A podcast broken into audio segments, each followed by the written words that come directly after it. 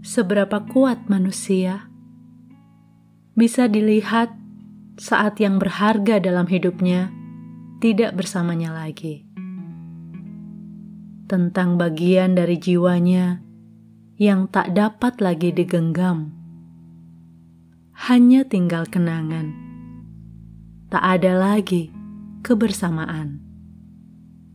Untuk momen-momen yang tak dapat diulang dan keunikan jiwa yang langka ditemukan.